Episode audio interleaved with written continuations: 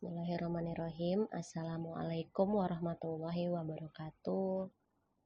Apa kabar teman-teman semua di hari puasa ini? Semoga teman-teman semua puasanya lancar dan puasa yang telah kita jalanin diberi keberkahan oleh Allah Subhanahu wa taala.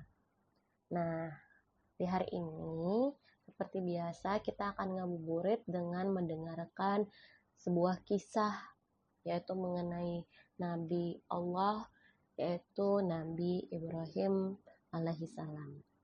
Di sini podcast.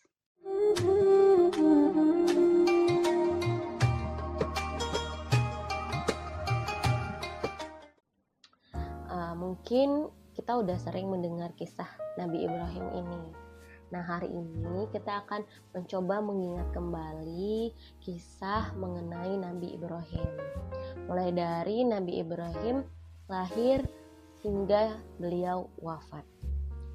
Jadi, Nabi Ibrahim ini hidup sekitar tahun 1997 sampai 1822 sebelum Masehi dan diangkat menjadi nabi pada tahun 1900 sebelum Masehi. Karena memiliki banyak sekali keistimewaan dan kesabaran, Nabi Ibrahim termasuk salah satu dari lima nabi ulul azmi. Nah, kita mengetahui bahwa Nabi Ibrahim ini dilahirkan di, di gua. Kenapa Nabi Ibrahim dilahirkan di dalam gua? Jadi, Nabi Ibrahim ini adalah seorang nabi yang dilahirkan di tengah-tengah masyarakat jahiliyah yang musyrik dan kafir. Beliau adalah anak Azar yang memiliki keturunan Sam bin Nuh di sebuah negeri yang diberi nama yaitu Mausul. Nabi Ibrahim ini lahir pada zaman kerajaan Namrud. Nah, kita kan sering dengar tuh teman-teman, Raja Namrud. Raja Namrud ini yaitu raja yang mengaku bahwa dirinya itu adalah Tuhan. Raja Namrud adalah penguasa kerajaan Babilonia pada saat itu. Nah, Raja Namrud itu tuh memiliki firasat dalam mimpinya bahwa akan ada seorang anak laki-laki yang akan membuat susah. Dalam kisah ini adalah Nabi Ibrahim. Kelak anak tersebut akan meruntuhkan kerajaannya. Akhirnya, Raja Namrud segera menurunkan titah untuk membunuh setiap anak laki-laki yang ada di kota Babilonia. Ah, Nabi Ibrahim alaihissalam ini adalah anak yang dimaksud oleh Raja Namrud. Jadi, pada saat Ibrahim masih dalam kandungan ibunya, Raja Namrud kan tadi memerintahkan untuk membunuh siapa saja bayi laki-laki yang lahir di kota itu, di kota Babilonia. Nah, akhirnya Hajar, ayah Ibrahim, kemudian menyembunyikan istrinya di dalam sebuah gua. Tanpa diketahui siapa pun, istrinya akhirnya melahirkan Ibrahim di dalam gua itu. Karena takut diketahui pasukan Raja Namrud, orang tua Ibrahim lantas meninggalkan bayi Ibrahim sendirian di dalam gua. Saat ditinggal di dalam gua, setiap lapar dan haus, Ibrahim mengisap ibu jarinya yang ternyata tuh memancarkan air susu yang manis. Sementara jari-jari lainnya itu mengandung madu. Saat malam kelahiran Ibrahim, berhala-berhala itu berjatuhan. Mahkota-mahkota terlepas dari kepala para raja. Bahkan, balkon istana Raja Namrud pun roboh berjatuhan. Selama setahun, Ibrahim tinggal di dalam gua. Namun setiap bulan pertumbuhan badannya seperti anak usia setahun. Sehingga saat keluar gua pada bulan ke-12 tubuhnya sudah seperti anak berusia 12 tahun. Nah, pada zaman Nabi Ibrahim lahir itu kan e, masyarakat setempat itu menyembah berhala termasuk ayah Nabi Ibrahim ini adalah salah satu orang yang pembuat berhala tersebut.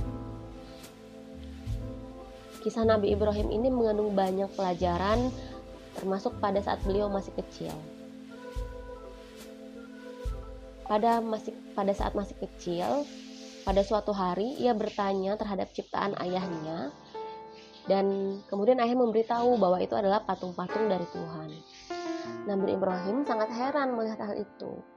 Kemudian dia berpikir dalam dirinya menggunakan akal sehatnya terdapatlah penolakan. Nah, uniknya Nabi Ibrahim justru malah bermain-main dengan patung itu saat masih kecil. Bahkan ia menunggangi patung-patung itu seperti orang yang biasa menunggangi keledai dan binatang tunggangan lainnya.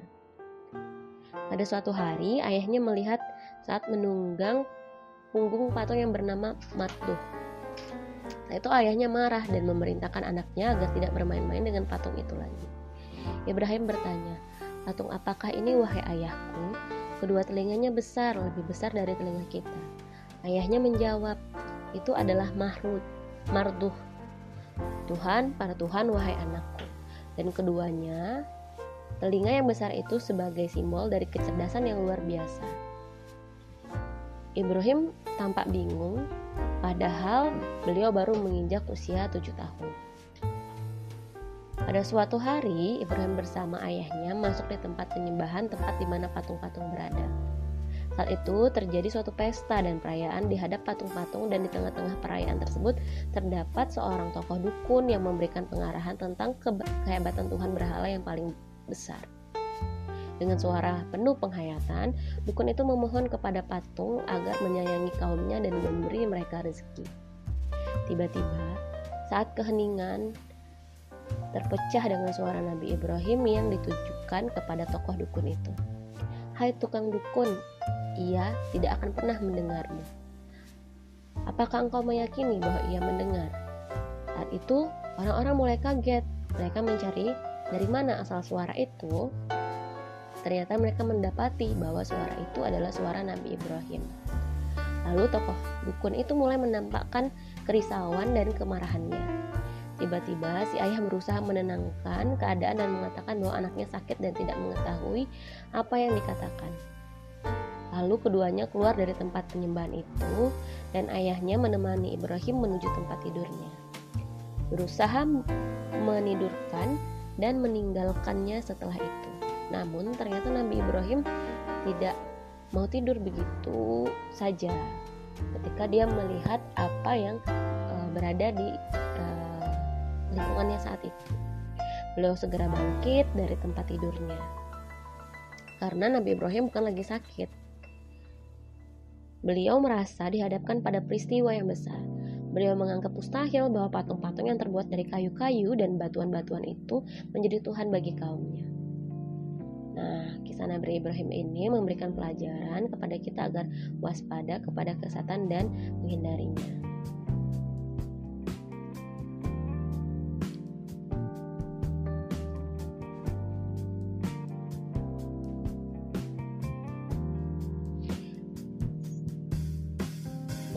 paling terkenal salah satu dari kisah Nabi Ibrahim ini ketika Nabi Ibrahim dibakar oleh raja raja Namrud. Kenapa Nabi Ibrahim dibakar? Jadi suatu ketika Nabi Ibrahim ini menghancurkan 72, 72 patung milik penduduk Babilonia dengan kapak. Ia hanya membiarkan satu patung yang paling besar. Kemudian kapaknya itu yang kalungkan kepada patung itu. Raja Namrud pun murka dan dia tahu bahwa yang melakukan ini adalah Nabi Ibrahim. Akhirnya, dia segera menyuruh pasukannya untuk membakar Nabi Ibrahim.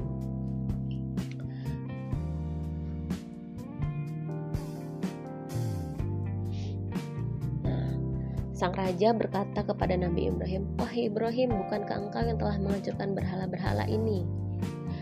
Nabi Ibrahim menjawab dengan sikat, "Bukan, Mendengar jawaban itu, Raja Namrud semakin geram dan berkata, Lalu siapa lagi kalau bukan engkau?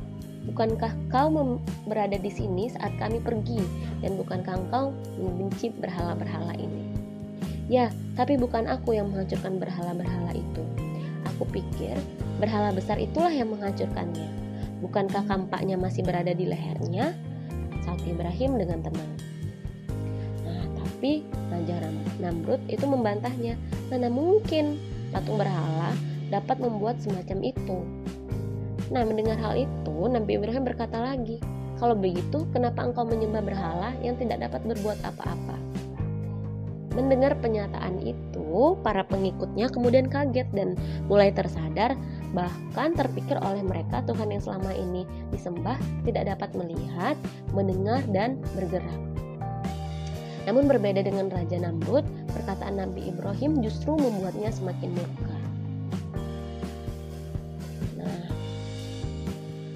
Kemudian akhirnya Nabi Ibrahim ini diberi hukuman oleh Raja Namrud untuk dibakar hidup-hidup.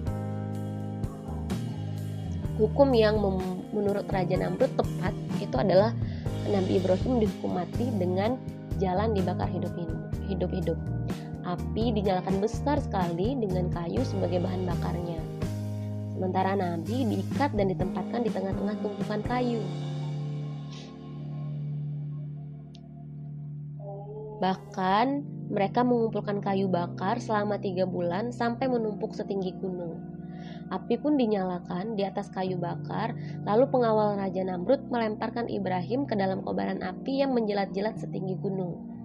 Dengan seizin Allah, Ibrahim selamat tidak terbakar sedikit pun.